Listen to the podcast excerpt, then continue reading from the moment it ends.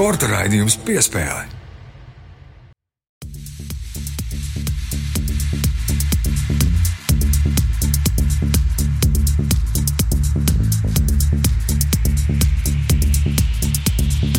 Sporta raidījums piespēle Latvijas radio pirmajā kanālā turpinās, un eh, šajā raidījumā runājām par peldēšanu. Un peldēšanu, eh, protams, pārvalda Latvijā Latvijas Peldēšanas federācija, un tieši tāpēc arī runāsim ar līdzinējo eh, pēdējo sešu, nu jau gandrīz gadu peldēšanas federācijas vadītāju Aivaru Platonovu, tāpat arī ar peldēšanas treneri Germanu Jakubovski, mm, Denis Čerkovski, bijušo pieci cīņnieku, četrkārtēju olimpisko spēļu dalībnieku, Atēnu olimpisko Olimpisko spēļu ceturtās vietas ieguvēja modernajā piecīņā. Nu, un tagad laikam arī cilvēku, kurš labprāt nāktu un darbotos Peldēšanas federācijā, kā arī ar Edgars Ozoliņu, kluba čempions pārstāvi. Sveiki visiem! Labdien! Labdien. Jā, un kā vienmēr, mēs kopā ar Māri Bērgu iztaujāsim šos četrus kungus.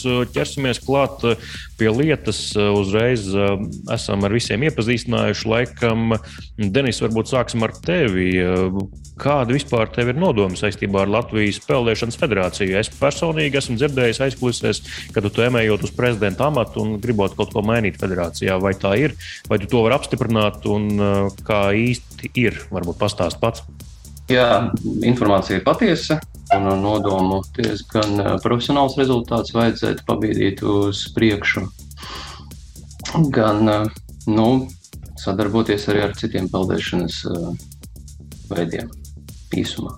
Kāpēc tieši tagad, līdz federācijas prezide, prezidenta vēlēšanām, vai precīzāk sakot, pašreizējai federācijas valdē, vēl termiņš ir divi ar pus gadi līdz 24. gada septembrim. Kāpēc uh, jau tagad uh, esi sācis šo virzību? Nu, cik, man ir, uh, cik man ir laiks izteikties? Teiksim, Daudz, no, mums ir 40 minūšu ierobežojums Zoomā, bet mēs varēsim pārslēgties. Vēlreiz ja būs interesanta diskusija. Bet uh, mēģinu koncentrēt, izteikties. Jā. Jā, tad, tad uh, sāksim laikam ar to, ka nu, ir jā, jārunā bišķiņ par manu backgroundu. Es esmu sācis uh, savu sporta gaitas tieši kā peldētājs. Uh, sākot otrā klasē, obligātu apmācību izgāju kursu, tad uh, atlasījos uz uh, nelielu grupiņu. Mums, manam trenerim bija 160 dalībnieki. Toreiz, uh, nu, protams, bija jāatsījā. Sešus gadus es uh, peldēju, citīgi trenējos. Līdz ar to viņš parādījās kaut kādas rezultātu stagnācija, un uh, bija iespēja toreiz, uh, un uh, es uzskatu, ka vienmēr pieciniekiem ar peldētājiem vienmēr bija ciešāka sadarbība.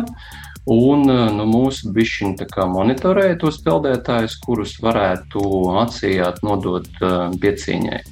Tad vienā brīdī, protams, sanāca tā, ka Jā, man tas viss apnika. Pamēģināju sevi modernajā pieciņā, peldēšana, peldēšanas backgrounds jau ir bijis. Un, nu, tad turpināju pilnveidoties uh, arī pieciņā. Uh, atgādināšu, ka viens no, viens no pieciņas sporta veidiem ir peldēšana, un tā skaitā pateicoties peldēšanas backgroundam, viennozīmīgi man, man bija tā iespēja pārkvalificēties ātrāk uz uh, moderno pieciņu. Protams, gaitā trenējoties, bija iespēja sadarboties un izmantot sadarbību ar peldēšanas treneriem, ar vairākiem. Nu, tā kā laikam, laikam īsumā šādi. Rūp, bet kāpēc, jā, bet kāpēc tieši šobrīd? Kā, jā, jā, nu, tas ir vēlēšana vēl ilgi. Jā, nu tad uh, uzrunāju, nevis uzrunāju, mani uzrunāju. Vienmēr es kontaktējos ar uh, peldēšanas treneriem, gan ar uh, citu klubu pārstāvjiem. Nu, dažādas atsauksmes ir dzirdētas, un nolēmām vairs negaidīt. Aivar opozīcija ir aktivizējusies. Tu jūti, ka tieši pēdējā laikā vai iepriekš jau bija kaut kādas pazīmes par to? Nu, Ziniet, kā es teikšu, godīgi, teiksim, mēs kā federācija, es kā personīgi federācijas vadītājs, par to opozīciju grūti vispār runāt. Jo tik, tādā skaidrā izpausmē viņa nav nekad parādījusies. Ja neskaitām šo pēdējo nedēļu, jā, ir zin, zināms, ka atsevišķiem aktīvistiem, kā es nu, citādāk nevaru nosaukt, piemēram, Feldmaņa kungu, ja, kas parādījās Latvijas televīzijas sižetā. Tāpat arī Edgars Ozoliņam ir personīgi ja nepatika pret mani Feldmanim. Tā, manuprāt, ir jau no 2016. gada. Viņš visu laiku ir mēģinājis kaut kā iesprāsties iekšā un, un, un pabīdīt mani prom no Ozoliņa kungam. Es saprotu, ir gads, pusotrs gads nepārvarama vēlme atbrīvoties personīgi no manis. Uh, es teiktu, ka šī nav vispār, patiesībā nav runa par kaut kādu opozīciju tieši cīņā par to, lai peldēšanas federācija strādātu labāk, efektīvāk. Jo, manuprāt, federācija to ļoti veiksmīgi šobrīd arī dara. Katru gadu pieaug ievērojami pieaug budžets, ievērojami pieaug arī uh, iespējas un reālais atbalsts sportistiem un treneriem. Līdz ar to šīs aktivitātes es vairāk sastāstu ar tādu tā kā, nu, jā, tādu vēlmi izreikināt, kas varbūt ar mani, varbūt tās arī, protams, atsevišķiem cilvēkiem ir, es, nevar, es, es teiksim, tā izsaku savu viedokli, iespējams, ir kļuvusi Peldēšanas federācija ļoti interesanta. Tieši šī iemesla dēļ, ka Peldēšanas federācijai šis finansiālais stāvoklis ir krietni, krietni labāks.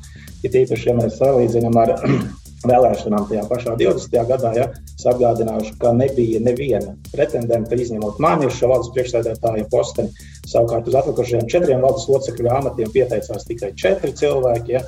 Tā tas konkurss tur absolūti bija nekāds. Ja? Es esmu par to, lai vienmēr, jebkurā federācijā, šī cīņa par vadošiem amatiem būtu tomēr nu, pastāvēt, bet lai viņa būtu teiksim, tāda demokrātiska, un cilvēcīgi, ja tiksim, uz kaut kādiem godīgiem spēles principiem balstīti. Nu, diemžēl šobrīd es to tā neuzskatītu, es to tā neredzu. Ja? Un tajā mirklī, kad mūsu federācija šis finansiālais stāvoklis ir samērā labs, jā, mums pirmo gadu, pirmos divus gadus mēs uh, finanšu gadu esam noslēguši ar diezgan lielu finanšu atlikumu, ar diezgan lieliem plāniem arī attiecībā uz, uh, uz turpmākajām darbībām. Uh, ar skaidri noprezentētu darbības plānu, stratēģiju četriem gadiem. Nu, tad kaut kādā mirklī varbūt vienai federācijas, vienas federācijas valdes locekļiem radās interese pārlikt uz citu federāciju. Ja? Jo tas, ko Čerkovskis kungs minēja, nu, man tad radās jautājums, četrus gadus viņš ir bijis valdes loceklis kopā ar šo pašu Feldmaņa kungu. Uh, nu, bija visas iespējas celt piescīņas federācijas uh, prestižu, masveidību, rezultātus, reputāciju. Nu, diemžēl tie rezultāti nu, ir kādi ir. Sportisti ir tik, cik ir. Finansiālā situācija ar katru gadu diezgan ievērojami pasliktinās. Nu, tagad lekt no vienas federācijas otru. Nu, man nav iebildumu, droši var mēģināt, ja federācijas biedri vairākums šādus rokādus un šādu piedāvājumu atbalsta. Lūdzu, jā, tā ir viņa izvēle. Es katrā ziņā arī nebūšu tas, kurš par visām varītēm centīsies saglabāt savu amatu tikai tāpēc, lai man viņš būtu. Es šeit esmu atnācis strādāt. Es uzskatu, ka es un valde strādā diezgan produktīvi un ļoti efektīvi. Ja mums biedri teiks, paldies, pietiek, nu, tad, tad pietiks. Jā. Bet šobrīd, cik es arī zinu, un joprojām šobrīd nekāda pārvēlēšana vai valdes aplēšana nav ierosināta. Ja? 31. martā ir gada pārskata apstiprināšanas sapulce.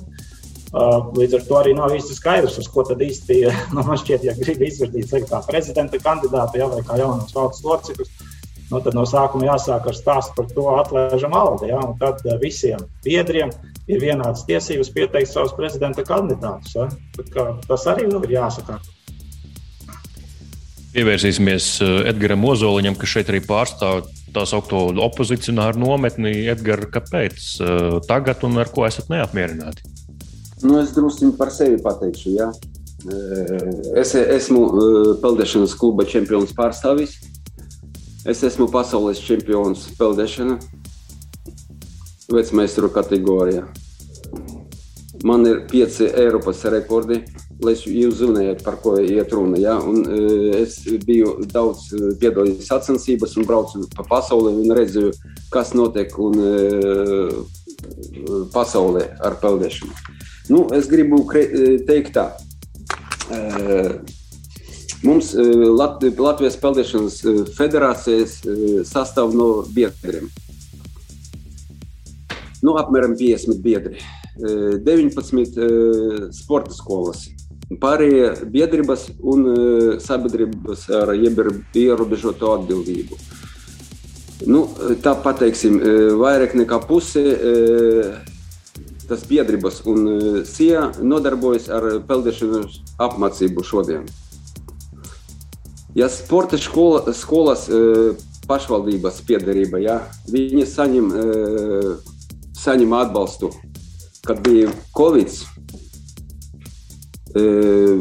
Peldēšanas klubi viņus, viņus neviens neatbalsta. Valde izdomāja, ka vajag tādā pašā laikā pacelt biedru naudas. Tas bija pirmais strīdis, ar ko mēs ierosinājām. Tas bija mūsu priekšlikums atlikt uz gadu vai uz diviem gadiem tas biedru naudas palielināšanai. 10% no klubiem nevarēja sakārtot savas finansu, finanšu Saistības? Saistības pret Peldēšanas federāciju. Jā. Tas bija lieta. Jā. Tā pašā laikā nu, mēs arī mūsu klubs ir iestājies Latvijas Sporta veterānu savienībā. Dažādi biedrības atcēla un federācijas atcēla biedru maksu, viegli atlēti. Citi federācija palīdzēja saviem biedriem klubiem. Tāpēc, ka biedrības no mūsu valstī nebija nekādas palīdzības. Nu, tas bija pirmai, pirmais jautājums, par ko mēs sākām strīdēties. Ja. Otrakārt, peldēšana. Peldēšana mums ne tikai elita, ja, peldētāji. Mums ir vecmeistari, Mums ir citi olimpiskie sporta veidi, tas peldēšana atklāta ūdenī. Atbildīga persona bija e, par šo uh, pasākumiem, bija Girts Streigus. Kad viņš saņēma šo amatu valdes loceklis, ja, kaulis, mums pēc tam pazaudējās tas Latvijas čempionāti un uh, vispār peldēšana atklāta ūdenī, ūdens pola sinhropeldēšana, dēļliekšana. It kā ir, bet kāda un finansējums ir, bet kas mums ir rezultāts un darbs? Nu, pagaidām nav pateikt, ka labs. Ja mēs runājam par peldēšanas popularizēšanu, kā mēs varam popularizēt? Daudz var pasākumi. Bet uh, viena no pasākumiem bija tas, uh, nu, es domāju, ka viena atklāta ūdeni peldēšanai, kur var startēt tautas klase, tāpat kā vecmeistaru sacensības, kur atnāk cilvēki, kus, kuri neprot peldēt, un visu laiku tas pasākumi notiek Igaunija, Lietuva, neskatoties uz to, ka bija e, pandēmija. 19. gada, 20. 21. mums tādas sacensības vispār nebija. Uh, Tad tie jūsu pārmetumi ir pārāk liels biedru naudas un e, atklāta ūdens peldēšana. Nu, jā, tas uzmanības pievērstam. Ja? Viena puse, jā.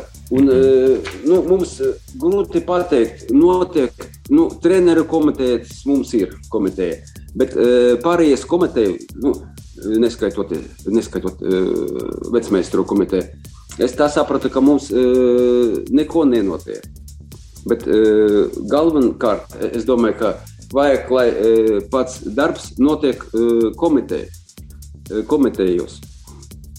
Uh, nu, Es jau saku, es jau pateicu, ka pandēmija laika uh, biedriem nekā, uh, nekāda palīdzība nebija. Uh, bet Un e, klubi, e, visi klubi, nu, izņemot pēcmeistaru klubus, nodarbojas ar peldēšanu apmācību. Ne, ne visur ir e, obligāta peldēšanas apmācība. Tāpēc tāds milzīgs darbs dara tas organizācijas. Edgars, nu, pagaidām mēs iepauzēsim. Jā, paldies par jā. jūsu domām. Aivar, tu vari atbildēt uzreiz uz, uz šiem pārmetumiem. Nu, jā, ja mēs sākam par biedru naudu, biedru naudu lēmums par biedru naudu pacelšanu bija pieņemts 20. gadā, bet šis jautājums arī tika, nu, teikšu tā, šobrīd tas, tas strīds bija tāds, vai valdē tas būtu jāpieņem, vai tomēr kopsapulcē.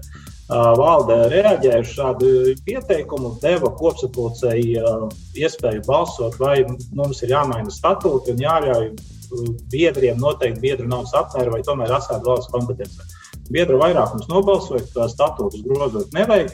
Otrs, es gribētu teikt, tās biedru naudas apmērs, ja viņš agrāk bija 75 eiro gadā, kas ietver 5 bezmaksas licences, tas bija, bija kopā no visiem biedriem, tie bija apmēram kaut kādi 2000, 3000 eiro. Ja? No 350 tūkstošu budžeta tas ir nu, pilnīgi nekas. Bet otra problēma, ko mēs tomēr arī īpaši uzsvērām pašiem biedriem, biedru naudas apmērs tomēr ir arī nedaudz disciplinējošs elements. Jo federācija, nu, mēs nedzīvojam sociālismā. Ja? Federācija ir biedru organizācija, kurā biedri sapulcējās, lai risinātu kopīgas uzdevumus un sasniegtu kopīgus mērķus. Skaidrs, ka tas kaut ko maksā. Jā, nevis federācija dotē biedrus, vai ne? Nu, tieši tā, nu, mums mm. nav. Pat, patiesībā, cik ir federācijas, kas dotē savus biedrus, iespējams, tikai futbola federācija, un tas arī viss. Federācija uzdevums nav dotēt biedrus. Federācija uzdevums ir radīt apstākļus, lai mēs tiktu līdz tam sasniegumam. Un es gribētu teikt, šie pārmetumi, ka Covid laikā federācija nedeva naudu, nu, nedeva atlaidi vai neaplika šo biedru naudas, mēs ļāvām maksāt arī vēl pēc tam. Mēs, ne, nu, tā, mēs viņu nenonulējām, bet mēs uh, nelikām samaksāt līdz noteiktam terminam. Tas ir viens. Otrs, kas manuprāt ir pats svarīgākais, ka šajā laikā federācija personīgi arī ļoti intensīvi strādāju un cīnījos par to, lai pēc iespējas ātrāk un kaut kādos saprātīgos apstākļos tiktu atjaunota šī peldēta apmācības iespēja. Un, ja mēs salīdzinām uh, mūsu darbu ar citu federāciju darbu šajā jomā, nu, es teiktu, mēs pārstrādājām izcili. Uh, mēs daudz ātrāk uh, panācām to, ka mēs varam peldēt, neskatoties to, ka sākumā no veselības ministrijas bija pilnīgs veto šim jautājumam. Un, ja jau paskatāmies 21. gadu, tad 21. gada septembra tajā rudens sezonā, ja tajā periodā īstenībā peldēt apmācība bija vienīgā fiziskā aktivitāte, kas bija atļauta telpās. Nevienam citam nebija tādu iespēju, izņemot profesionālus sportistus. Tas ir tas, kas ir jādara federācijai. Federācijai nav jādod 200 eiro katram biedram, lai viņš var, es nezinu, nu, sēdēt mājās Covid laikā. Un trešais, ko federācija visu pandēmijas laiku darīja, Tiklīdz 20. gadā maijā beidzās tas pilnais lockdown, no tās dienas līdz pat 20. Nu, teiksim tā, līdz šodienai. Izlašu sastāvā esošajiem sportistiem, kuru mēs uztaisījām diezgan plašu, sportistiem nebija jāsēž nevienu dienu mājās. Pat tad, kad sporta skolas bija cieta, klubi bija cieta, kur Germans varbūt tās varēja pakomentēt. Federācija pat pie slēgtām baseina durvīm nodrošināja iespēju sportistiem regulāri trenēties. Un es uzskatu, ka tas bija arī mūsu galvenais uzdevums. Kā, protams, var strīdēties, ir pienākumi, un tas arī, diemžēl, kaut ko maksā. Jā, mm. Jā German, iesaistīsim arī jūs. Jūs esat treneris, kurš trenē arī augstu līmeņa sportistus. Kā jums izskatās federācijas līdzinājās vadības darbība šobrīd?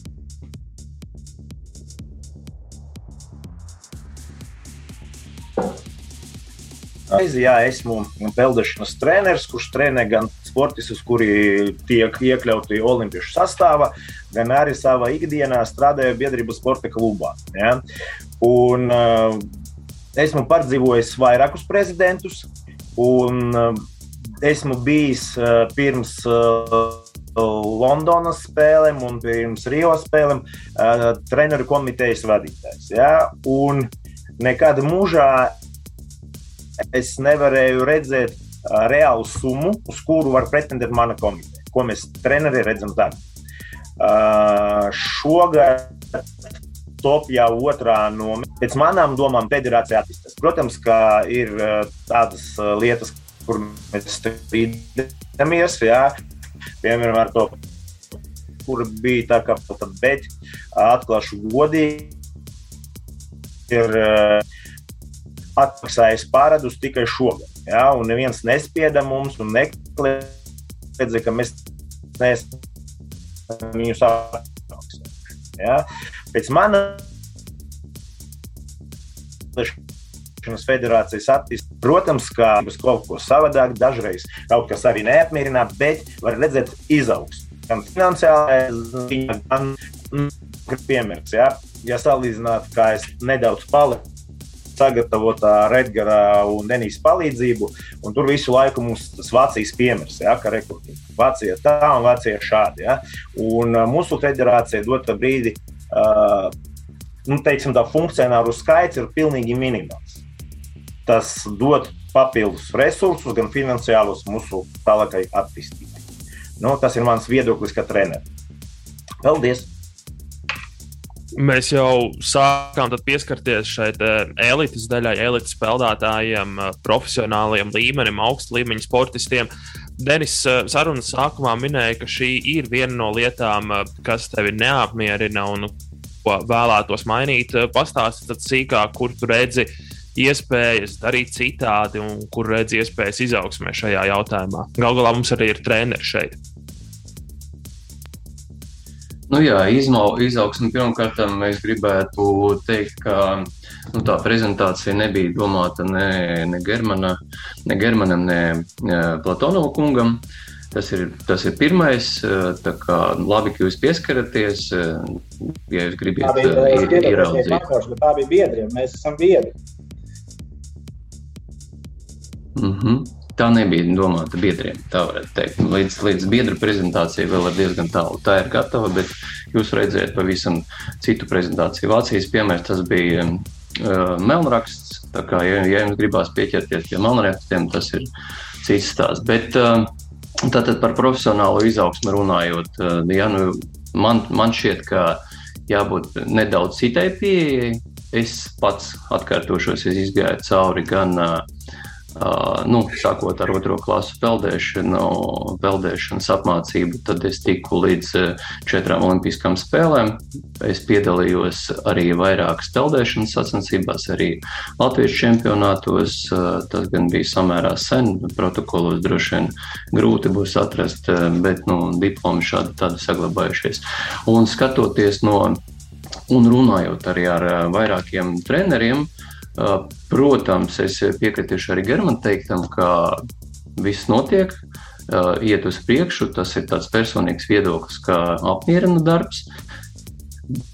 Bet es uzskatu, ka varētu to darbu virzīt bišķiņ citā virzienā, kvalitatīvākā virzienā un skatoties, raugoties uz to citādāk.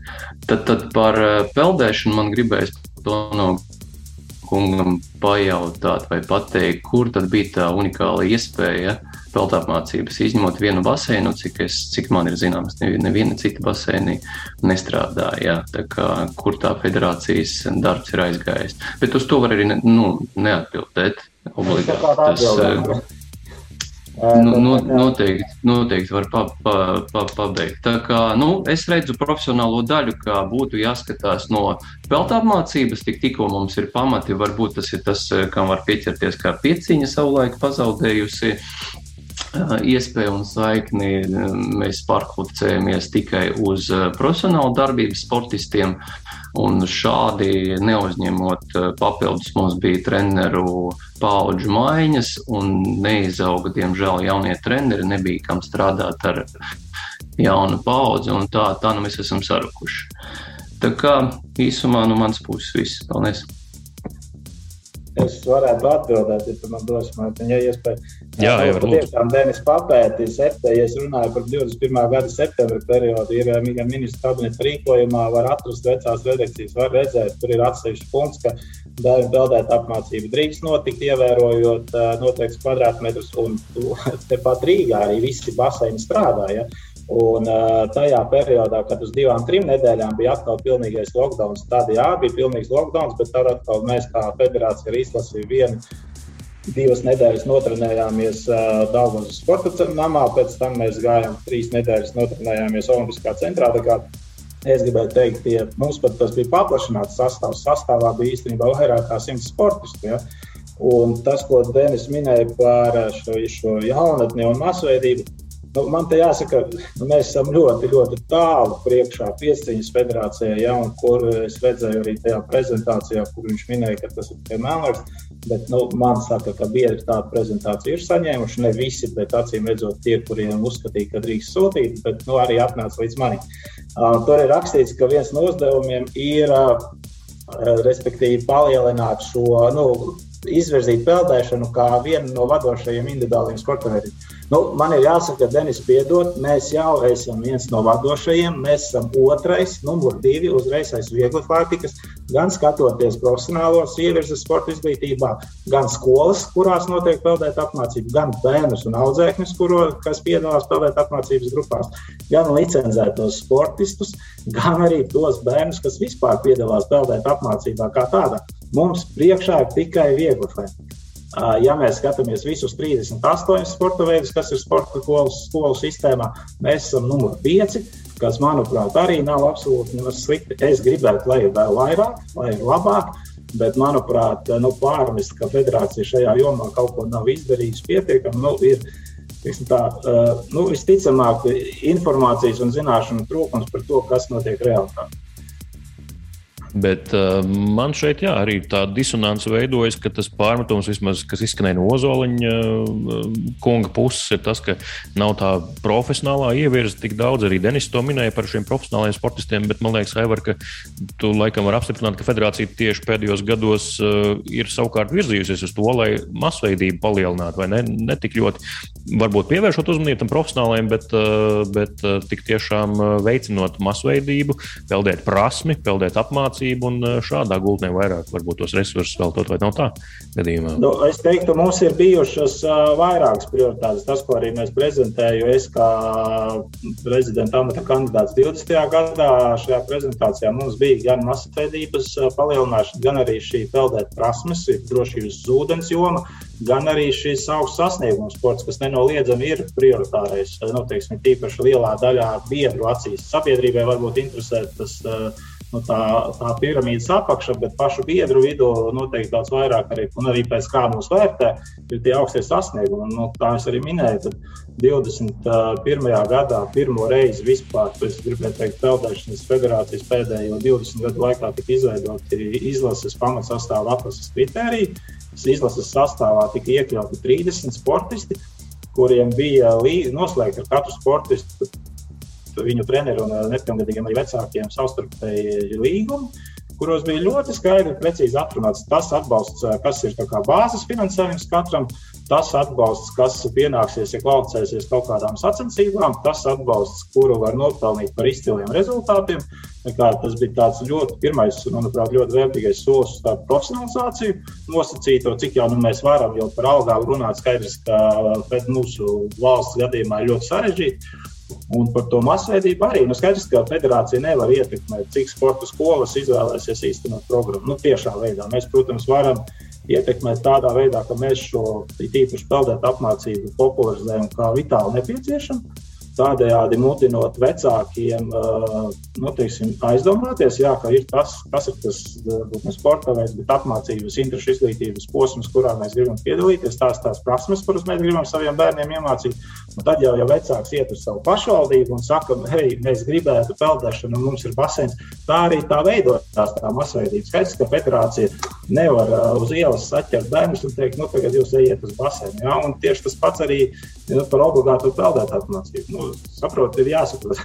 Teiksim, tas ir ļoti sarežģīts, ļoti smags darbs, kas prasa regulāru mm. iešanu un runāšanu ar saimnes deputātiem, ar saimnes komisijām, ar ministriju pārstāvjiem. Tā ir tāda utopiska doma, ka mēs to tās uh, uztaisīsim un būs obligātā peldēšana. Es godīgi sakot, domāju, tā arī 2013. un 2014. gadā. Ja? Nu, es tagad esmu nedaudz uh, saka, paburzījies par to virtuvi. Es saprotu, cik sarežģītas šādas iniciatīvas ir un cik tas ir nav grūti realizējams. Un visticamāk, ka tāda obligātā peldēta apmācība arī nekad nebūs. Bet peldēta apmācība vispārējās izglītības ietvarā pašvaldībās ir būtiski palielinājusies būtiski. Mm. To ir palīdzējis gan tas fakts, ka ir par 10, 15 baseiniem vairāk nekā pirms desmit gadiem, gan arī tas, ka federācija ir ļoti mērķiecīgi strādājusi uz to, lai uh, izglītot, izglītot sabiedrību, ka šīs peldēt prasmes ir arī nu, dzīvībai svarīgas prasmes. Jā, kungi, pirms kāda brīža jau aizskārām treneru jautājumu. Aivars eh, biedriem sagatavojis bija prezentāciju par, um, par šī brīža situāciju, par pagājušo pārskatu gadu, tātad par 2021. gadu. Viena no lietām, kas man tur iekrita acīs, ir, ka Latvijā ir 180 rastīti peldēšanas treneru, bet tikai septiņiem no viņiem ir A, jeb augstākās kategorijas um, šīs diploms, vairāk nekā 100 ir B kategorijas treneru. Jautā jautājums, kā ar treneru kvalifikācijas celšanu un izglītošanas jautājumiem gribētu dzirdēt, eh, ka jūs visi izsakāties, eh, izsakat savas domas tieši par izglītības jautājumiem, par kvalifikācijas celšanu, jo nu, mēs visi lieliski zinām, ka bez kvalificētiem treneriem eh, nekādi augstas klases sports nesanāks. Varbūt Aivar, tu vari sākt. Jā, paldies. Nu, es domāju, tas ir diezgan komplicēts jautājums, kurā, protams, ir sava atbildība jāuzņemas gan augstākās izglītības iestādē, iespējams, arī par izglītību atbildīgai ministrijai, protams, arī federācijai. Un šeit, ja skatās nu, to, ko var darīt federācija, federācija pārsvarā īstenībā nodrošina šos tālāk izglītības pasākumus. Jo nu, to pamatu izglītību, ja augstāku izglītību, bakalaura grādu, maģistra grādu, tomēr katrs izvēlās pats iegūt, iet vai nu uz sporta akadēmiju vai uz kādu citu izglītības iestādi. Nu šeit es gribētu teikt, ka nu, atkal federācija ir darījusi ļoti daudz, tīpaši, ja salīdzinām iepriekšējiem gadiem. Es arī, godīgi sakot, šobrīd gatavoju vienu pārskatu, kā es varu nosaukt arī skaitļos. Tas ir no 70 līdz 20 gadam. Tie bija 40 dažādi kursi un semināri kopā vairāk kā 90 dienas, un 21. Uh, gadā tie bija pieci federācijas rīkoti, vēl daži, kuriem finas atbalstu.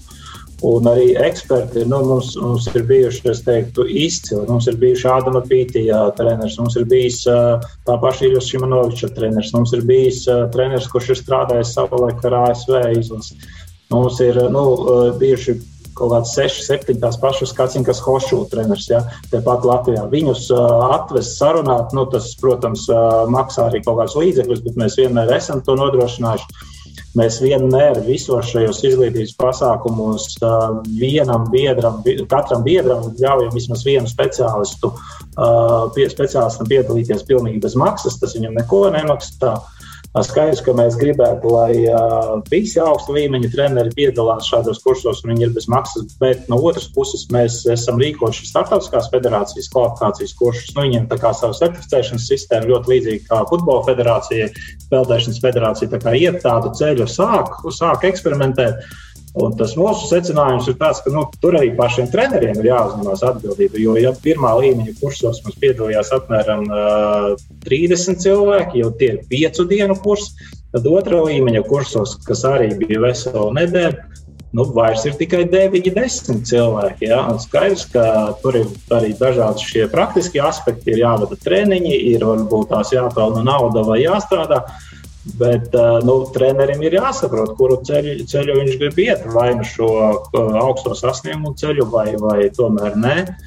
Bet piedāvājums no federācijas puses ir bijis vienmēr. Arī starp citu, tagad šogad mums ar uh, Latvijas Olimpisko komiteju ir kopīgs projekts Olimpiskās solidaritātes ietvaros, piecu dienu kurs, tehni, tehniskie kursi treneriem. Stefāna Nūra būs tāds eksperts, kas ir arī nu, strādājis ar pasaules līmeņa atlētiem. Tas, tas, nu, mūsu uzdevums ir piedāvāt un nu, atrast to treneri vai ekspertu nolikt uz vietas tālāk, jau ko tas treneris paņem vai nepaņem. Nu, diemžēl tur mēs teikt, nevaram tik daudz ko ietekmēt. Skaidrs, ka tā ir zināma problēma, bet tā es pat teiktu, ir kopīgi risinām problēma. Arī pašu biedru uh, un pašu treneru kopīgi uh, risināms jautājums, kur ir jābūt šai motivācijai. Ja arī mēs paskatāmies, uh, nu, piemēram, Germans uh, ir uh, šobrīd mācās doktorantūrā. Ja? Nu, cik peldēšanas treneriem ir doktora grāds? Nu, diemžēl par šiem visiem gadiem, manuprāt, Germans Mans ir otrais, varbūt trešais, jā, jā, kuram nu, viņam vēl nav. Es atvainojos, ja tev vēl nav nekā, bet nu, vismaz ir procesā. Ja? Un, nu, šos jau, un tas ir budžeta vietas, ja, un nu, tur es neesmu tik, tik, nevaru tik daudz izstāstīt, bet nu, katrā ziņā šeit jau es nezinu, vai federācija kādu var piespiest nu, izvēlēties kaut vai šo zinātnes virzienu. Tas būtu ļoti labi. Mēs gribētu, lai mums ir vairāki arī šie profesori peldēšanā, mūsu paši vietējie, nevis tikai viens, mm. ja, kurš var lasīt kursus un, un, un, un, un veikt kaut kādu zinātnisko darbu. Bet, nu, diemžēl es domāju, tā ir īstenībā visos sporta veidos zināma problēma. Germán, uzreiz pie jums arī uh, tālāk ejam. Uh, jūs, kā treneris, kurš ikdienā strādā ar peldētājiem, kā jau es pieminēju, arī ceļā uz doktora grādu, treneru resursus un tā nepietiekamība ir problēma Latvijas peldēšanā šobrīd. Um, ļoti labs jautājums. Lielas paldies. Uh, es gribu nedaudz pakomentēt par tām A, B un C kategorijas treneriem. Ja? Tad, uh, A kategorija nozīmē, ka tev ir izglītība un rezultāti. Un, uh, nu, tā sanāk, ka ir, ir pats pazīstu tādus trenerus ar visu cieņu pret viņiem. Gudrs, ļoti labs treneris, bet nu nepaveicis. Viņš nav saticis savu dzīvi tādu individu, ar kuru viņš var iziet to ceļu. Tas ir viens. Tieši tāpēc mums viņi ir tikai septiņi. Otrs jautājums, kas ir saistīts ar to apmācību. Nu, situācija dota brīdī tāda, es strādāju paralēli arī esmu piesaistīts pie Latvijas Sporta pedagoģijas akadēmijas izpētes centra. Un, uh, es vienkārši redzu, ka daudzi cilvēki grib mācīties, ja? bet kad viņš satiekas ar grūtībām, viņš vienkārši pamet to darīt. Arī ir peldēšanas treneris. Ja? Uh, mums ir tiešām diezgan daudz atvestu šeit speciālistu, un arī zumā viņi ir bijuši. Dažreiz uh, var redzēt, ka cilvēks klausās, bet neko neņem no tā, ko viņš klausās. Es domāju, ka tā ir viena no problēmām. Bija, viens moments bija tāds, ka tiešām treneru bija diezgan maz, bet dotajā brīdī, nu, jā, mēs paņemsim tikai vienu sporta skolu, un nav runa par manu klubu, ko es pārstāvu, piemēram, Jurmālas peldēšanas skolā. Dotajā brīdī tur ir vismaz trīs jaunie speciālisti. Daudzpilsē, jauni speciālisti. Un visur, kur viņi ir, cerēsim, ka viņi izies to ceļu līdz galam, un viņiem būs spēks sasniegt augstus sasniegumus. Bet tad trūkst vai netrūkst to treneru? Varētu būt vairāk, vai trūkst? Mums trūkst baseinu. Protams, ka jo lielāka, lielāka konkurence, jo lielāka augstāks rezultāts. Jo vairāk treneru, jo vairāk nāksies uh, sevi piespiest mācīties, lai tu būtu labākais treneris, jā, lai pie tevis nāktu tie audzēkļi. Protams, ka konkurence rada rezultātu. Ja būs baseina, treneru būs daudz vairāk. Kluba čempions pārstāvs Edgars, ko sacīs par treneru resursu Latvijas eh, peldēšanā. Nu, pietrūkst, nepietrūkst, eh, varētu būt uh, vairāk. Es domāju, ka basēnus uh, var būt vairāk, tāpēc ka man es nodarbojos ar peldēšanu. Bet viena vēl problēma, ka nav speciālistu pašvaldības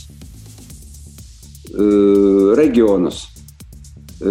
Pietiek speciālistus Rīgā vai lielas pilsētas, bet eh, mazas pilsētas, eh, protams, ka tur nav. Tādas eh, pilsētas kā Kraslava, Bauska un tā tālāk. Nu, tas ir viens jautājums. Mhm. Par apmācību treneriem es neko sliktu nevaru pateikt. Es domāju, ka viss, kas tagad darīts, tas ir darīts pareizi un kādreiz būs sasniegt rezultāti. Bet šobrīd, protams, viņus nav. Un, tas ne tikai ka mums trūkst kursi vai ārzemes speciālisti, kuri pie mums atbrauc. Mums nav tādi treneri, mērķi, cībi, kas grib sasniegt rezultātus. Pats galvenais priekš mūsējiem treneriem aizbraukt uz Olimpiādu. Tas ir augsts, augsts augstne, kur viņi var sasniegt šobrīd. Bet tā nav tāpat problēma arī peldētājos. Viņiem jau līdzīgi ir. Peldētājiem, jā. Un arī treneriem. Gan peldētājiem, gan treneriem. Gan sportistiem, gan, gan peldētājiem, gan sportistiem, mm. gan treneriem. Jā. Mm -hmm. Denis, Denis. Tavas domas par, jā, par, par treneriem un to resursu. Tā ir sāpe, kas tevi arī nu, nomoka, domājot par, par to, ko varētu uzlabot. Tad, tad par treneriem viennozīmīgi tā ir sāpe. Rīgas rajonā un Rīgā droši vien treneri ir vairāk nekā gribētos, bet peldēšanas treneri nekad nebūs. Pa mazu ir jāšauj visos nu, visos virzienos. Par reģioniem, to, ko pieskarās eh, Edgars, es domāju, tā ir eh, ļoti izplatīta problēma, un tas būtu jārisina, un par to arī būtu jārūpējas eh, federācijas līmenī. Um, nu, Tas tā Kā to risināt? Kā to var risināt? Nu, mēs nepārcelsim vārdarbīgi cilvēku, nepateiksim, tev pēc skolas beigām ir jādzīvot tur. Mēs jau katrs nu, izvēlamies. Kā var izsināt? Var, var sastrādāties eh, ar pašvaldībām, atkal ir jābrauc, ir jārunā. Pašvaldībām ir jānāk pretīm ar kaut kādu piedāvājumu. Tas varētu būt vai nu dzīves vieta, vai nu papildus kaut kāds eh, atbalsts. Gan no federācijas ir jāmeklē papildus atbalsts, gan no pašvaldībām. Nu, tas, ir, jā, tas ir sarežģīts darbs. Vien, mm. Viennozīmīgi. To, to nav vienkārši izkustināt no vietas. Baseina trūkums, eh, tas pats, jā, it kā nu, ko mums nav baseina, mēs tagad uh, necīnīsimies par, par to. Nu, ir jācīnās arī par baseiniem. Par to, jā. cik man ir zināms, ir papētīts, eh, Helsinkos ir 40 baseini, Tallinā ir 26 baseini. Mums Latvijā ir 33 baseini, no tiem plus 3 baseini, cik man ir zināms, ar garo ūdeni un viens no tikai no vienas knapi, knapi atbilst uh, standartiem. Lielākā daļa 25 ir vai ne? Var, to var papildināt vai palabot. Denis, eh, es nezinu, kurš te konsultē, bet nu, tās ir, es atvainojos, bet tās ir pilnīgi smuļķības. Igaunijā. Kas tieši ir pilnīgi smuļķības? Igaunijā, visā Igaunijā ir krietni mazāk baseinu nekā Latvijā. Ne, nemaz nerunājot par Tallinu. Ja tu pie baseiniem uzskaiti visas uh, spā vannas, kas ir jūrmalā, Ok, tad arī Latvijā būs pāri simtam. Ja mēs runājam par 25 metru baseiniem, par 50 metru baseiniem, klasiskiem sporta baseiniem, Igaunijā ir tikai viens Tallinā 50 metru baseins un viens startu. Viss, ja nu nav vairāk. Rīgā ir 3,50 m. Jā, bet arī par 25 runājot. Igaunijā ir mazāk baseinu nekā Latvijā. Un uh, Norvēģijā ir baseina problēmas, Zviedrijā ir baseina problēma. Baseins ir dārga, sarežģīta infrastruktūra. Protams, jā.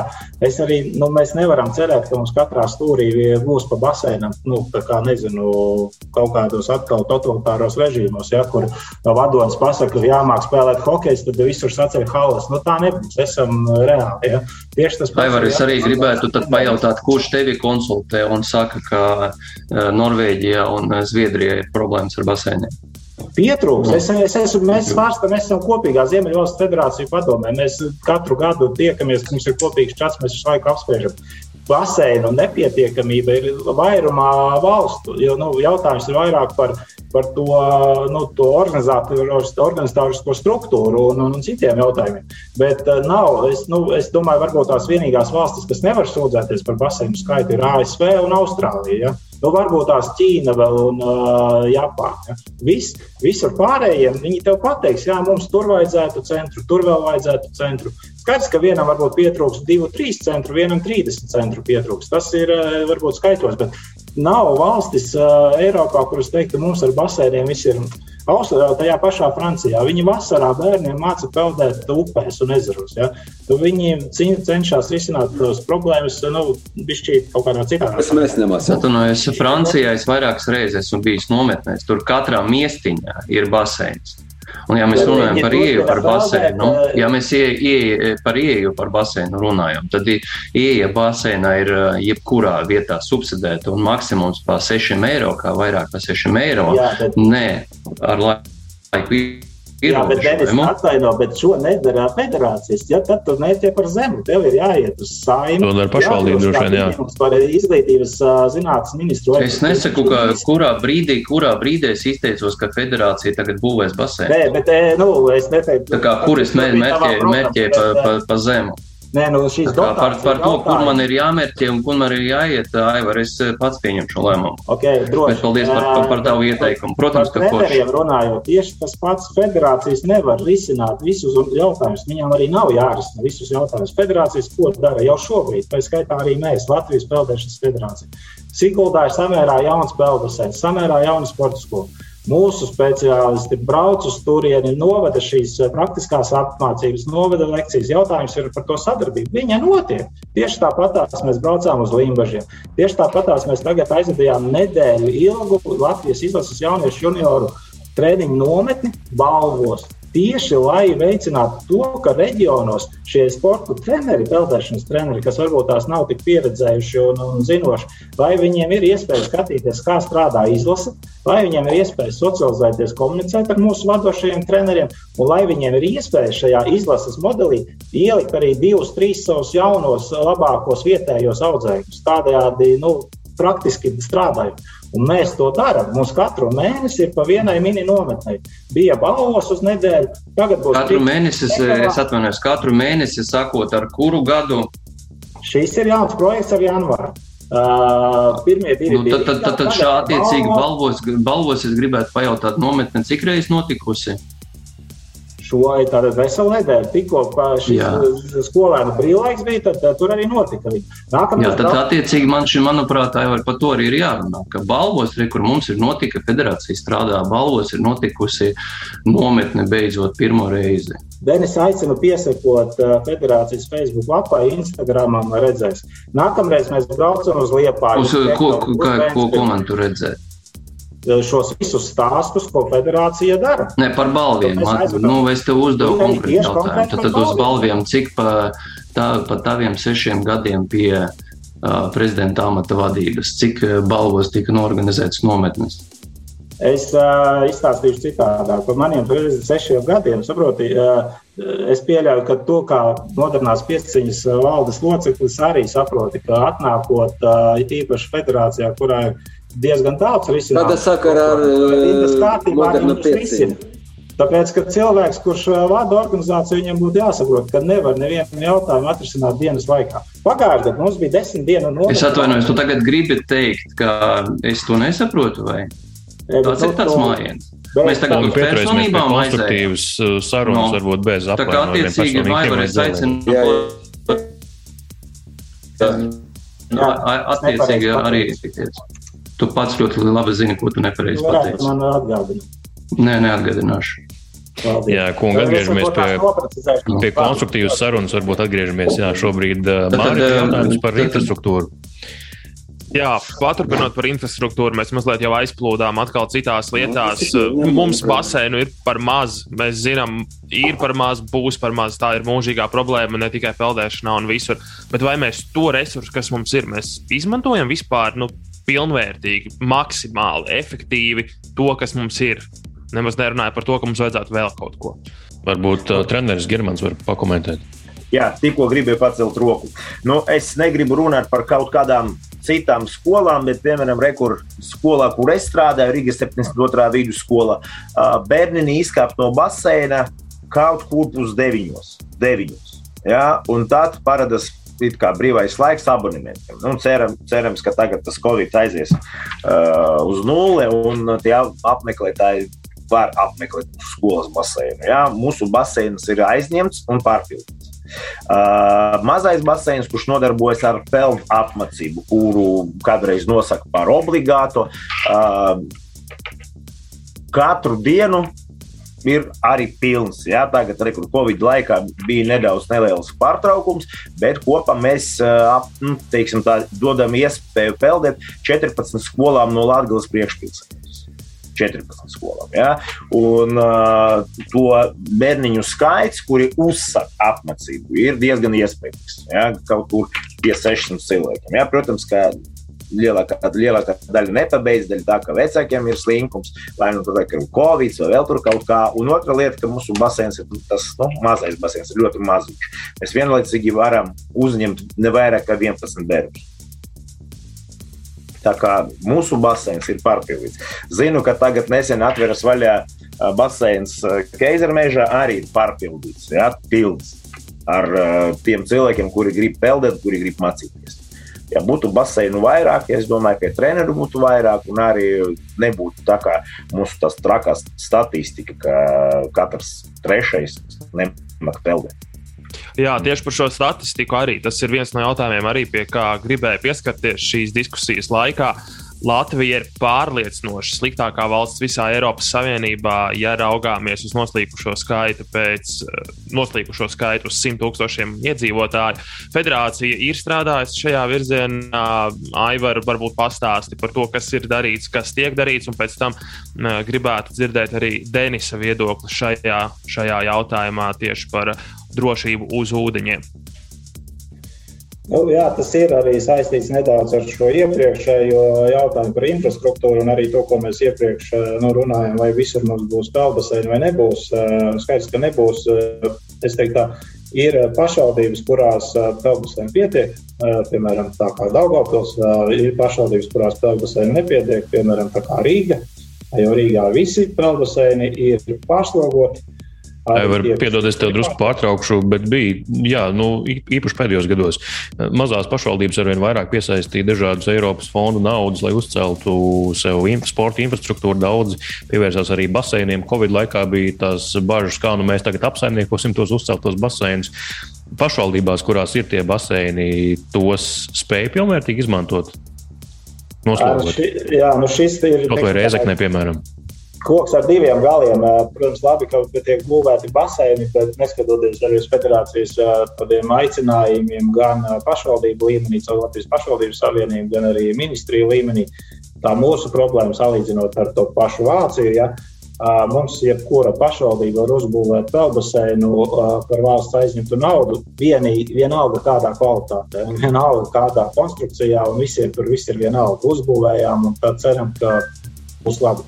Tā ir tā problēma, ka tur trūkst tāda valstiskas kontrolas līmeņa tieši attiecībā gan uz šīm drošības prasībām, gan uz uh, to apmēru. Jo nu, skaidrs, ka nevajag būvēt, uh, pieņemsim, Madonā 10 celiņu, 5 metru basēnu. Bet, uh, ja pašvaldība vēlās, tad sanāk, šobrīd neviens viņiem to aizliegt nevar. Tur, ir, uh, tur būtu jābūt daudz ciešākai sasaistēs starp valsti, pašvaldību un arī federāciju. Vai pašvaldības spēja noslogot savus pelnus? Jā, spēja. Es ieteiktu, piemēram, aizbraukt uz tiem pašiem ādažiem. Nu, tur ir, es teiktu, trīsreiz par mazu peldbaseins. Tāpat tās arī nu, nesen atvērās salīdzinoši peldbaseins Līvānos. Tur ir ļoti daudz bērnu, tur ir daudz grupu nodarbību. Tā tās apmācības nodarbības notiek. Tas, protams, ļauj cerēt, ka nu, palielinoties peldēt apmācības apjomu un vispār bērnu jauniešu vidū, palielināsies arī viņu šī ūdens kompetence un prasmes, un kaut kādā mainoties vienai paudzei, iespējams, ka varbūt jāpamainās vairāk. Nu, tā statistika, traģiskā, par ko jūs minējāt, viņa arī nokritīsies. Ja? Bet ir jāsaprot, eh, tas nav īstermiņa projekts. Tas nav sasniedzams tikai ar runāšanu. Runāšanai ir eh, viens uzdevums panākt, lai bērnu vecāki un arī pašvaldības saprot, ka tāda apmācība ir vajadzīga. Apmācība aizņem vairākus gadus, bērns pieaug, viņš tālāk kļūst par pieaugušo, viņam ir savi bērni, un tad automātiski mēs paļaujamies, ja viņš ir izgājis šo peldēt apmācību, tad viņš arī saviem bērniem, savām atlasēm gribēs sniegt to pašu.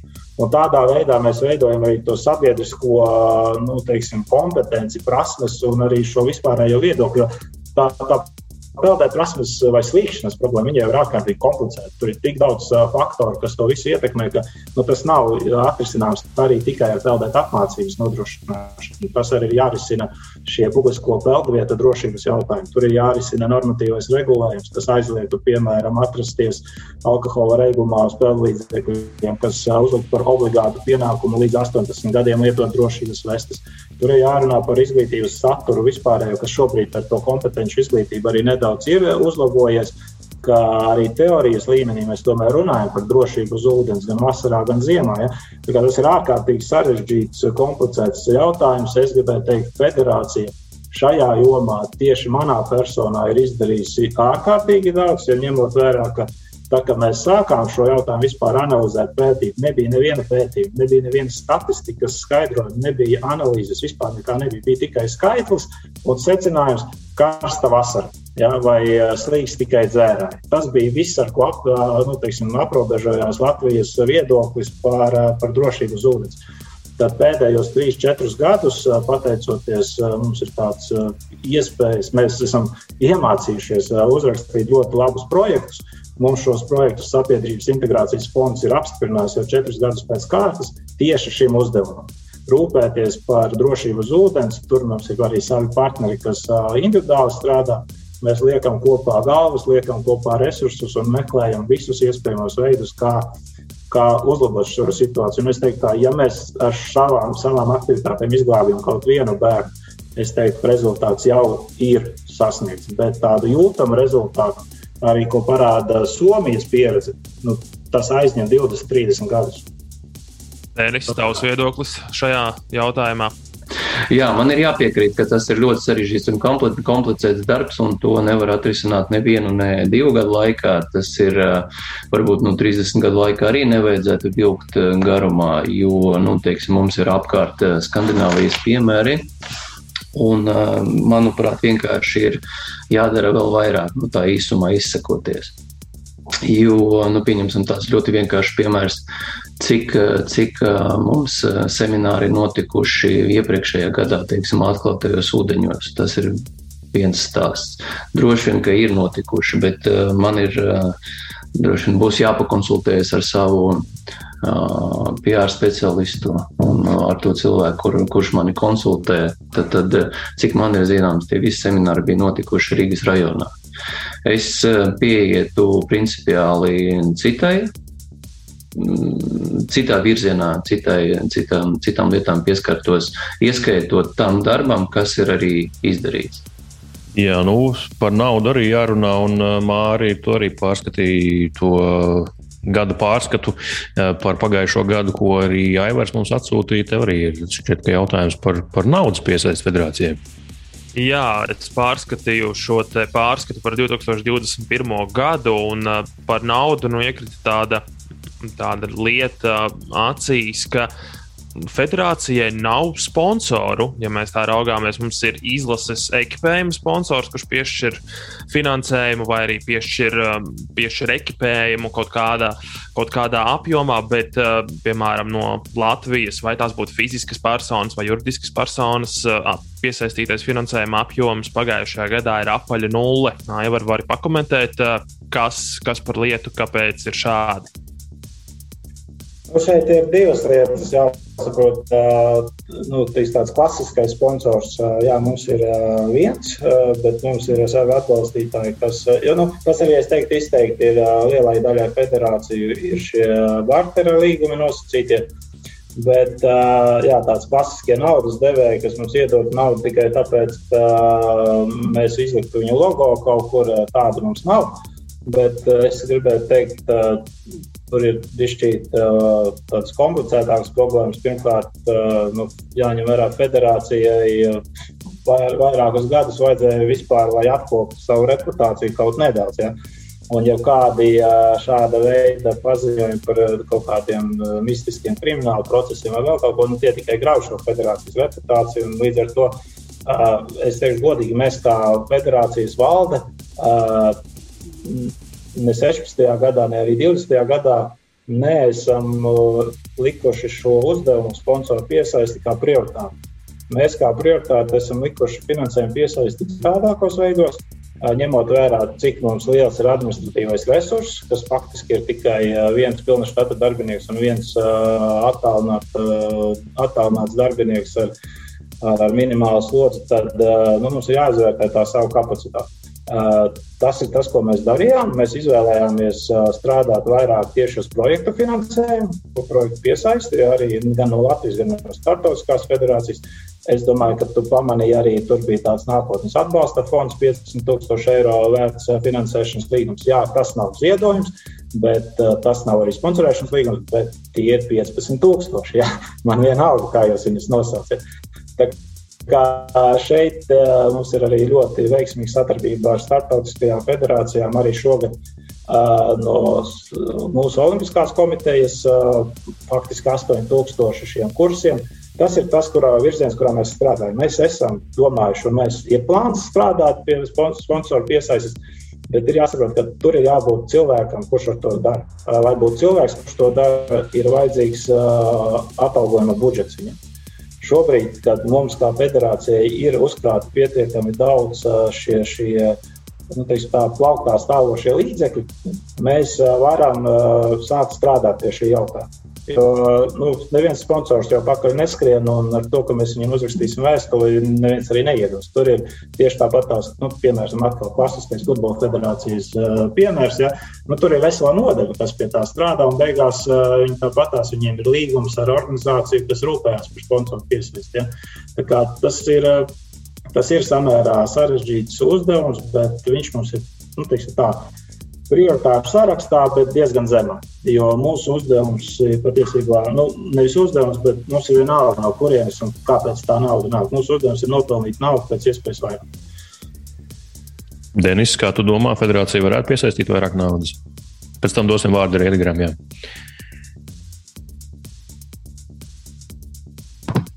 Nu, jā, īsumā es atkal nerunāšu tik ilgi, ka, mm, kā, protams, ir jārūpējas par, nu, jāšauj visos virzienos.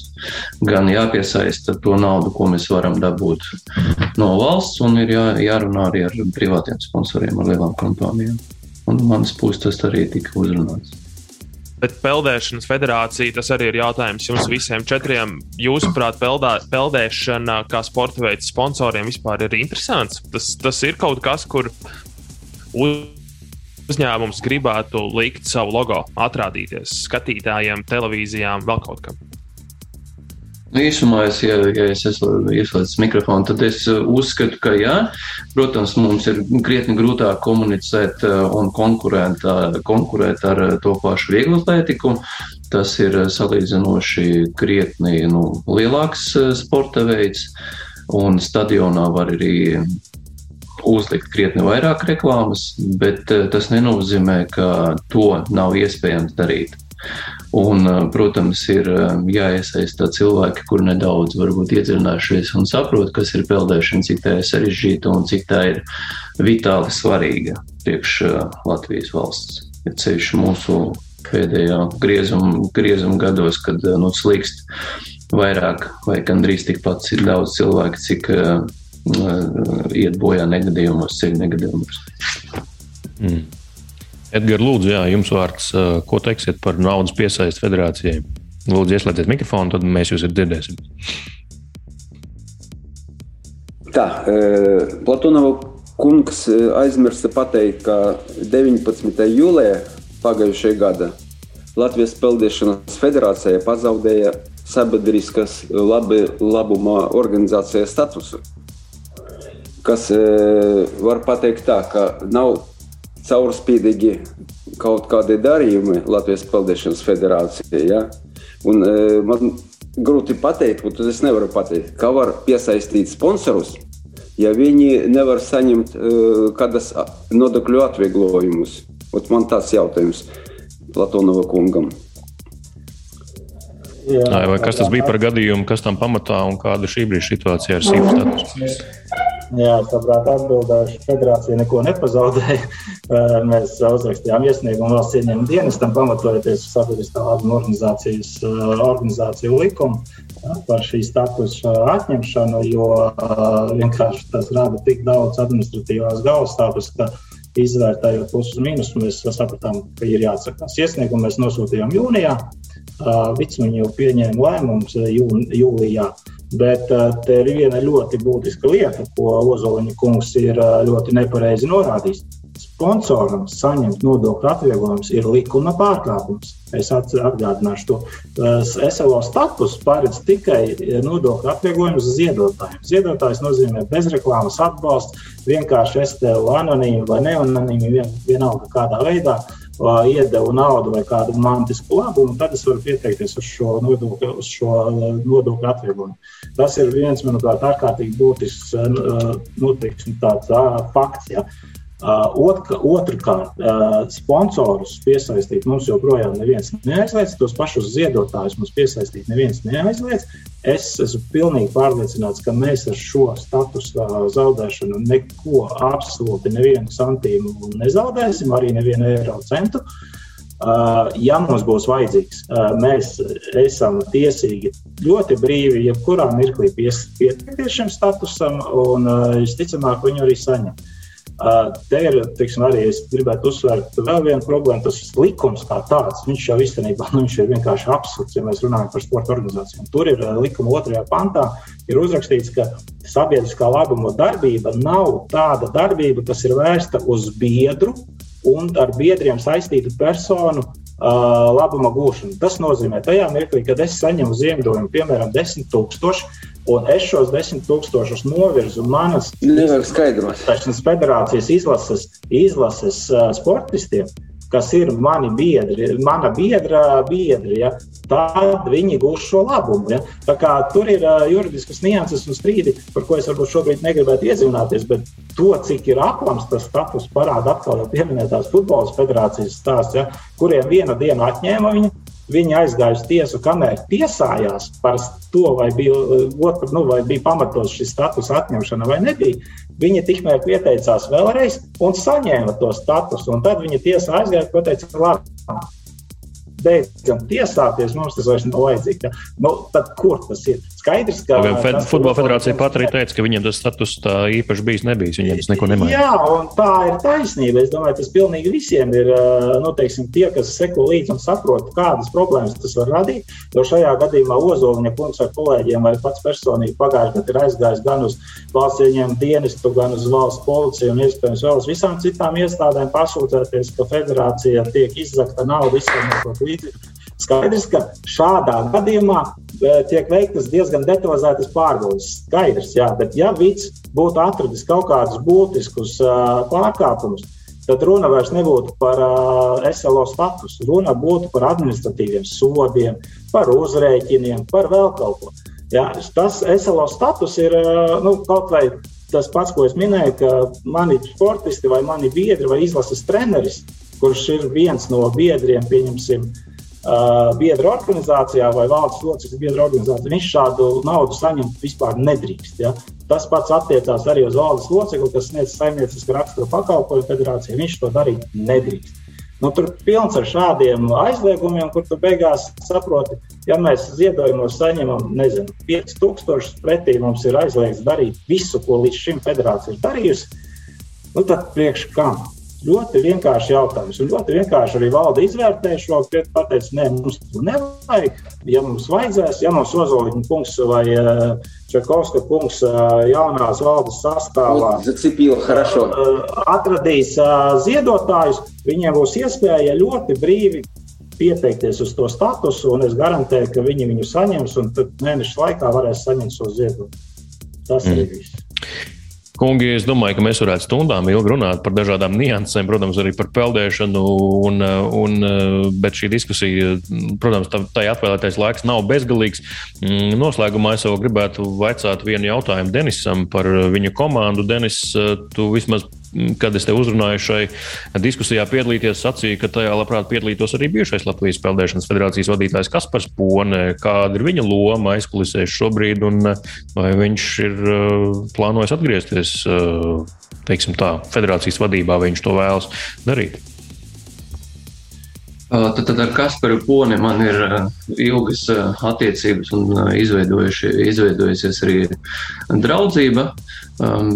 Protams, kadreiz, kad, kad atkārtošos, es kādreiz biju peldētājs uz Kaspara Poni, es skatījos kā uz savā ziņā tādu elku, un bija divi cilvēki, Kaspars Pona un Artovs Jākāļevs. Abi bija darbojušies uh, Peldēšanas federācijā. Ar viņu es vairāk konsultējos, uh, dalos un uh, smējos ar zināšanām. Nu, bet tad viņš piekritīs, ka tie viņa pēdējie metri federācijas vadībā bija diezgan absurdi. Jūs zināt, tur ir, tur ir diezgan absurdi, bet cilvēks var izdarīt uh, 12 gadu laikā 100, 200, 300 labas lietas un, diemžēl, nodegt pie vienas nepareizas rīcības. Un tas tā īsumā. Un jo spilgtāks cilvēks, jo uh, viņam vairāk atcerēsies uh, to vienu neizdarību nevis 300 izdarītas. Tas ir ļoti, ļoti spilgts piemērs. Un bāzt šito virsmu, es nesaku, ka jūs to darīt, bet nu, apelēt ar šito lietu nebūtu, nebūtu, nebūtu godīgi. Pavisam nebūtu godīgi. Un viņš ir izdarījis ļoti daudz labu. Bet tad viņš labprāt atgrieztos un darītu vēl. Ja? Uh, nē, vēlreiz atkārtošu. Viņš tikai konsultēja. Mm -hmm. tāds mērķis viņam nav. Mm -hmm. Viņam ir savas ambīcijas, bet mērķis atgriezties un darboties mūsu komandā viņam nav. Mm. Kas nu, tad uh, ir jūsu komanda, Denis? Beig, beigās, jūs, protams, jums ir arī doma biedri. Varbūt pastāstīt arī plašāk, kas ir cilvēki, kuriem vēlaties. Nē, es, attur, es atturēšos komentēt. Lai tas paliek noslēpumā. Cik ilgi tas tiks turēts noslēpumā? Nu, laikam līdz kopsapulcē. Tā tad līdz nākamajai nedēļai. Jā, tā izskatās. Gaidām, ir, uzrunāt, vai, ir uzrunāti vairāki cilvēki. Tā kā daudzi ir piekrituši darboties, tas arī liecinies, gribēju pateikt, ka daudzi treneri vai daudzi klubi klusa un baidās kaut ko izteikties un uh, uzstāties, tāpēc, ka baidās represijas. Represijas izteikti ir notikušas, par to varbūt vairāk var arī tas pats Edgars pastāstīt. Un uh, tas gan attiecināms gan uz treneriem, gan uz klubiem kā tādiem. Protams, sporta skolas represēt nebūtu prātīgi, līdz ar to tur notiek cita veida sadarbība. Tas ir ļoti spilgts termins, represijas. Uh, pie tā pieķersimies arī pēdējās minūtēs. Bet, Denis, kāds ir jūsu šī brīža mērķis? Tātad kopsapulcē iepazīstināt ar sevi, tālāk, kāds ir, kāda ir tā ceļa karta, ko jūs gribat kā darboties vismaz līdz nu, vēlēšanu kongresam 2024. gadā? Vai varbūt nu, panākt nu, ārkārtas vēlēšanas agrāk? iepazīstināt ar sevi un tad skatīties, kā uh, ies, ir, ir vairāki darbības scenāriji, atkarīgs no tā, kā, kā cilvēki, ko viņi gribēs sadzirdēt, e, kā viņi raugo, raudzīsies uz, uh, uz notiekošo no abām pusēm. Tā kā ir, ir viena lieta ko piedāvā Platonovs kungs, un viņam ir visas tiesības izvēlēt to, izvēlēties to pašu virzienu varbūt paskatīties, iedziļināties un virzīties eh, manā virzienā kopā ar, manīm, ar manu komandu, manā vadībā. Mm -hmm. Uh, vēl jautājums ātri arī uh, Germanam. German, jūs bijāt arī uh, nu, braucējs uz Rio Olimpiskajām spēlēm. Kas par ponas vadības laikā nesanāca jums tomēr aizbraukt līdz savai audzēknei? Tātad varat salīdzināt, kāda bija tā vadība. Arī labos laikus noteikti redzējāt, ko Denis pieminēja. Droši vien jau bija arī labas lietas, kas, kā jau Denis arī izcēla, medijos varbūt netik bieži parādās. Mm, varbūt varat salīdzināt, kāds bija kas par ponas vadības stils un sasniegtais, un ko varbūt Aivars ir sasniedzis šajos sešos gados. Viennozīmīgi var pilnīgi pie, piekrītu Denisam, ka jā, bija arī tādi labi momenti, ko Kaspars Pone ir veidojis. Bet uh, realitāte ir tāda, ka pēdējos uh, sešos gados no savas vadības man liekas, ka Kaspars vairs nejūta zemi zem kājām. Ja? Viņš izdomāja, ka viņam pilnīgi viss ir atļauts nerunājot par to, kas sanāca ar maniem. Tur ir virkni vēl dažādu ļoti interesantu izgājienu, kurus Kaspars ir bijis. Nu, nu, nu, nerunāsim par cilvēku, kurš tagad šeit neeksistē, tas nav pieklājīgi. Uh, es, kā jau teicu, pašā sākumā redzu ļoti lielu starpību. Un pirmais, kas man visvairāk iepricina, ka treneru komiteja saprot, uz ko viņi ir spējīgi naudas ziņā. Un tā kā var runāt gandrīz par katru jautājumu, un jā vai nē, bet atbildi būs, un lai atbildi būs, teiksim, godīgi, adekvāti. Man ir divi jautājumi. Es gribu uzdot vienu Denisam un otru Edgaram. Pirmkārt, cepuru nost sportiskiem rezultātiem, gan Denisa, gan Edgara. Bet man ir divi jautājumi. Pirmais, Denisam, kāpēc Denis izdomāja, ka nevajag glābt viņas, viņu mīļāko sporta veidu, pieciņu, kāpēc viņš griežas uz peldēšanu, vai tad tiešām viņam ir pieredze uh, tik augstus mērķus sasniegt. Un otrs jautājums ir Edgara Ozaļa kungam. Uh, kurā koalīcijā pēc kārtas viņam dotajā brīdī viņš, viņš jau ir iesaistīts savā vairāku gadu garumā. Un kāpēc līdz šim vēl nekad, teiksim, tā kopsapulce nenoticēja Edgaram? Paldies! Jā, Edgars. Tā. Nu, vispirms es gribu piekrist teikto, ko pateica uh, Eh, Germans, jā, jā ir. Var ir atšķirība, kad bija Kaspars un kad tagad Aivars Platonovs vada organizāciju. Ja? Bet arī mēs vajag atcerēties, ka Platonova kungs arī strādāja pie Kaspara Spone valde. Ja? Bet ļoti daudz izdarīts cepuru nost. Tā, par koalīciju. Es neesmu nekāda koalīcija. Es gribu aizstāvēt klubus interesus kurie daudz gadi ir ignorēti. Un, es ne, nekad netaisīju un negribu taisīt nekādu revolūciju, kā Germans domā. Ja, ir biedri, kas nav apmierināti, un viņi baidās, ka kaut ko, uh, ja viņi kaut ko sāks sakt, Platonova kungs, kungs pret viņiem sāks darīt ka, kaut kādas sankcijas. Ko to no kungs var darīt? Kādā veidā? Tas, nu, kāpēc jūs tā domājat? Nu, viņš, ot, viņš eh, saka rakstīt vēstules, ja, ka mēs var, eh, gribam vai, jūs izslēgt vai uh, uh, neaicināt uz sacensībām, tiesāt vai uz sacensības tur peldētājus. Tāda lieta, jā. Un mēs, un tādai klubai visu laiku tas jūta. Un viņi, ne, un klubi no reģioniem nekad nenāks pretim Platonova kungam. Nu, tas ir īstais moments. Bet, vai tu, tā, tu tāds diktators esi, jā? Tā vismaz šķiet. Man tā nu. izklausās, jā. Nu, es te tomēr atļaušos nedaudz uh, pakoriģēt Ozoņa kungu, jo tas, ko viņš izteica, ir vairāki meli. Pirmkārt, es uh, par valdes locekli kļuvu tikai 2016. gada oktobrī. Uh, līdz tam es nekad neesmu bijis uh, valdes loceklis, un, godīgi sakot, Kaspars Pone man arī toreiz nenodarbināja kā algotu darbinieku. Ja? Tā kā šeit lūdzu nevajag melot. Uh, otrais. Uh, vai Platonovs kādu izslēdz, represē tam līdzīgi. Nu, manuprāt, pilnīgas muļķības, jo pirmkārt ir valde, valdei ir valdes sēdes. Aptuveni reizi mēnesī mēs sanākam, visi jautājumi tiek izspriesti valdē, visi tiek protokolēti. Vēstules par biedru izslēgšanu tiek sūtītas līdz šim. Ir sūtītas tikai vienā konkrētā gadījumā, ja netiek nomaksāta biedra nauda. Turklāt nevis, ja netiek nomaksāta, kā ir noteikts statūtos līdz biedru sapulcēm, mēs parasti gaidām gadu, dažreiz pat divus gadus.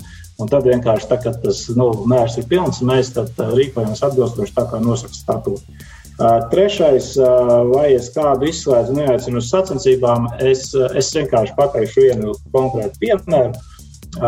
Piemēram, Emīls Pone, tāds sportists, ja, neskatoties uz to, ka teiksim, neskatoties uz radnieciskajām saitēm ar jebkādiem citiem cilvēkiem, mēs viņu vienmēr esam aicinājuši uz izlases nometnēm. Viņš ir bijis iekļauts izlases sastāvā. Starp citu, ar mūsu pašu valdes lēmumu mēs viņu iekļāvām LOV sastāvā 2020. gadā.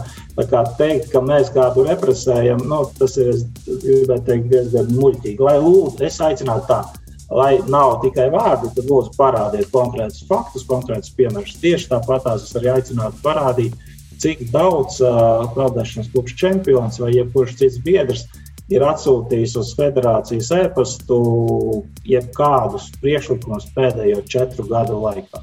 Es atceros divus. Viens par biedru naudu, un otrs par biedru sapulces pārcelšanu un, un, un statūtu teiksim, nu, grozījumu, vai kas jau tur bija. Viss tādi konstruktīvi piedāvājumi nu, faktiski nekad nav bijuši. Visvairāk diskusijas mums notiek treneru komitejā, arī citās komitejās. Tur mēs šos jautājumus izdiskutējam. Skaidrs, ka ne visi, visos gadījumos visi piekrīt, bet atkal treneru komitejā ir desmit cilvēki. Un es Ja, ja kādam šķiet, ka es atnāku, uzsitu ar dūri uz galda un saku, darīsim tā, nu, nu piedodiet, tā nenotiek. Paskatieties to treneru sastāvu, paskatieties arī mūsu valdes sastāvu.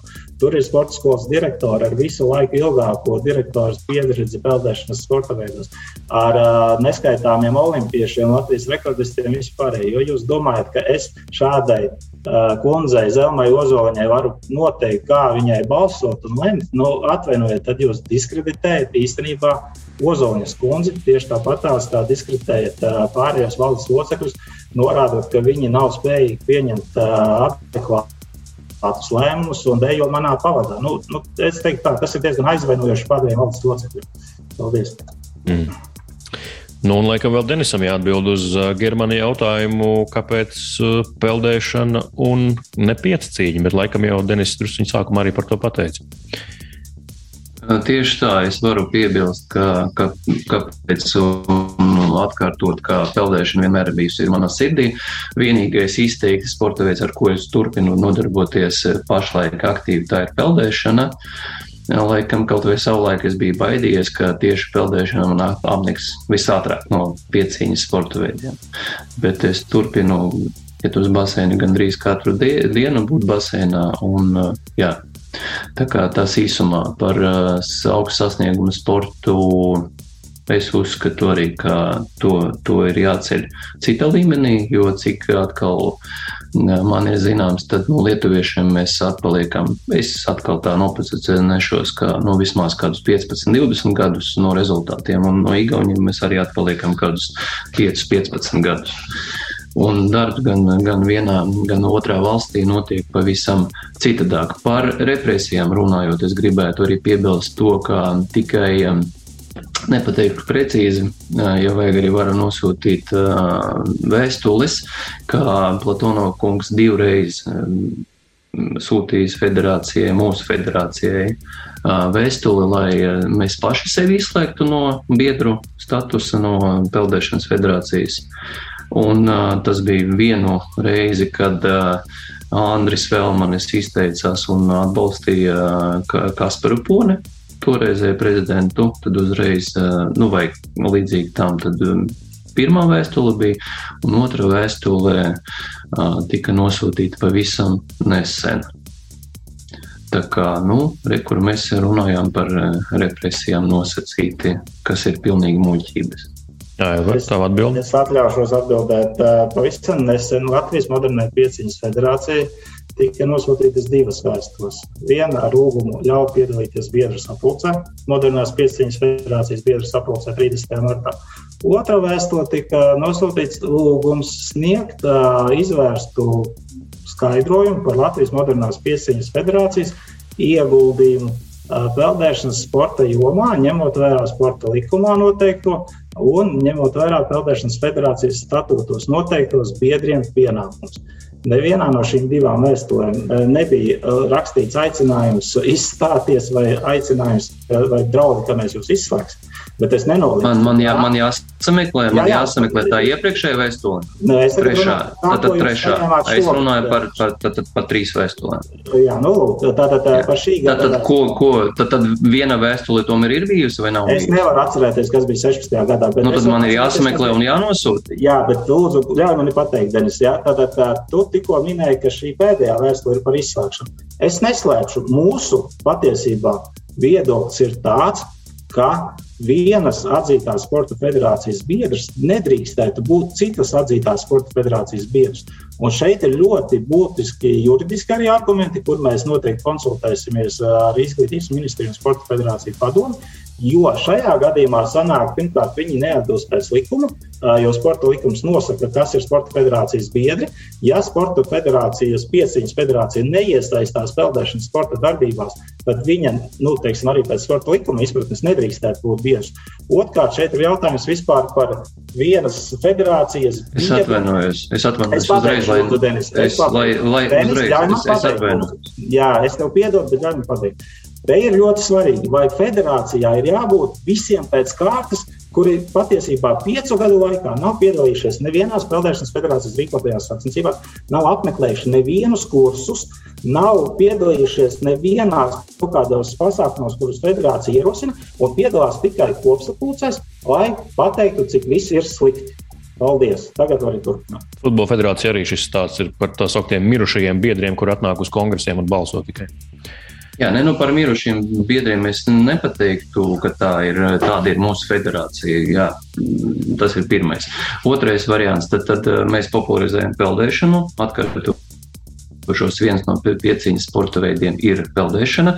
Ja cilvēks atnāk, viens variants, vai nu viņš var atnākt, nerādot labus rezultātus, cerības, ne, nerādot, tad atnākt uz pieciņu vai pat tieši uz pieciņu.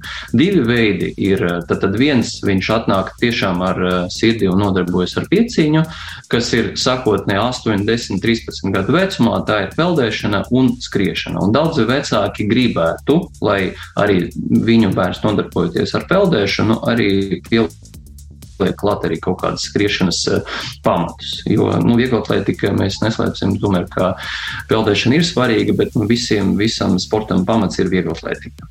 Tad, tad šādi atbildot uz šo jautājumu, popularizējot, vai mums ir uh, kā ir ātrs ātrums vai, vai tur, es nezinu, eļļēns, eļļēna eļļa, nu tad kur ir, kur ir virziens. Mēs nodarbojamies ar vienu no peldēšanas veidiem, ar pieciņas veidiem peldēšanu. Un šādi mēs arī popularizējam, automātiski popularizējam peldēšanu.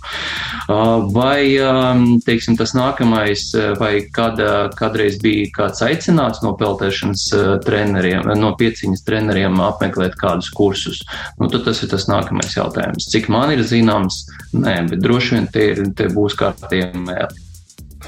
Denis, kamēr Aivars atbildēja, Denis ātrs jautājums, vai pieciņas federācija ir biedrs arī, piemēram, nezinu, piemēram, jā, federācijā vai šaušanas federācijā? Vēsturiski, vēsturiski vienmēr pieciņa bija sastāvā peldē, peldēšanas federācija. Denis, cik vēsturiski, kopš kura gada?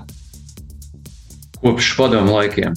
To es varu apgalvot. 2016. gada, kad vieta izsludināja ārkārtas kongresu, un Kaspars Pone uh, uzņēma uh, Latvijas Modernās Pieciņas federāciju trīs dienas pirms biedru kongresa, lai dabūtu sev papildus balsis kopš 2016. gada septembrī. Tā ir tā interpretācija. Mana interpretācija es... ir no padomu laikiem. Es varu parādīt protokolu par biedru uzņemšanu un par to, ka jūs esat tieši tikai tajā gadā parādījušies kopsapulcē. Jā, ir, bet tad vēlreiz apgalvoju. Mēs esam no, vienmēr bijām biedri no padomi laikiem. Varbūt papīriski, nu jā, smieklīgi. Jā, nu, jo papīriski jūs nebijāt biedri. Un otrs, tas, ko uzdeva Mārtiņš, pareizi jautājumu, kāpēc jūs neesat Jāšanas federācijā, Vieglības federācijā un tā tālāk. Un tad jau arī. Laikam, es, laikam, laikam man ir jāatkārto piekto reizi. Tātad pieciņas federācija vienmēr bija ļoti draudzīga peldēšanas federācijai. Draudzīga. Kopš Jā. 16. gada mēs vairs neesam. Nu šeit pats nav samelojies. Es gribētu, lai šādu viedokli izsaka Latvijas Modernās Pieciņas federācijas prezidents. Jo šobrīd tu runā federācijas vārdā, un tu, Jā. manuprāt, maldini sabiedrību. Jā, tāpatās, kā, ka, tāpatās, ka, manuprāt, tu arī maldini sabiedrību. Jā. Un to tu dari, to tu dari veiksmīgāk nekā es.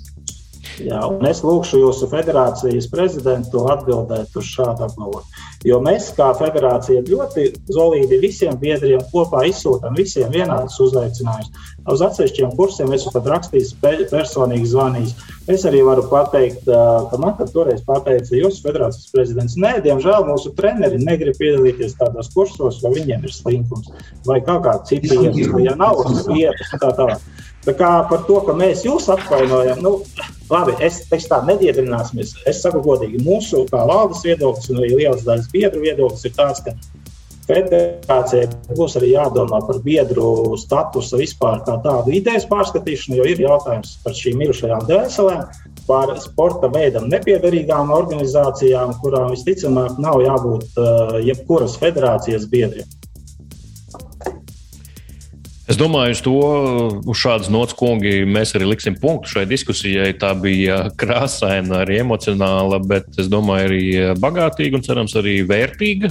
Šo diskusiju pilnā garumā var noklausīties Latvijas um, radio raidierakstu vietnēs, kur varat atrast raidījumu piespēli, tā kā tur būs pilnā versija. Paldies, kungi, ka bijāt kopā ar mums uh, šo nu, pusotru stundu vairāk. Laikam sanāk tā, kā uh, esam atņēmuši krietni daļu jūsu bija dienas laika, bet par to paldies un gaidām to kopsapulci. Izskatās un izklausās, ka tur varētu iet jautri. paldies par to, ka meklējam patiesību, paldies, ka ir virzība, ir, teiksim tā, arī, protams, opozīcija vienmēr ir vajadzīga pozīcijai, lai virzītu uz progresu. Tā kā paldies arī Denis komandai par to, par aktivizēšanos un paldies Aivaram par līdz šim padarīto darbu. Mēs, es, Mārtiņš Kļavnieks un Mārs Bergs, sakām paldies radio klausītājiem, ka klausījāties šo diskusiju ar Latvijas Peldēšanas federācijas aktuālo vadību un arī ar opozīciju, kur nav mierā ar dažādām lietām, kas līdz šim un kā ir noticis federācijā šīs vadības laikā. Paldies un līdz kādai nākamajai reizei. Uz redzēšanos! Vislabāk, paldies! Vislabāk, redzēšanos!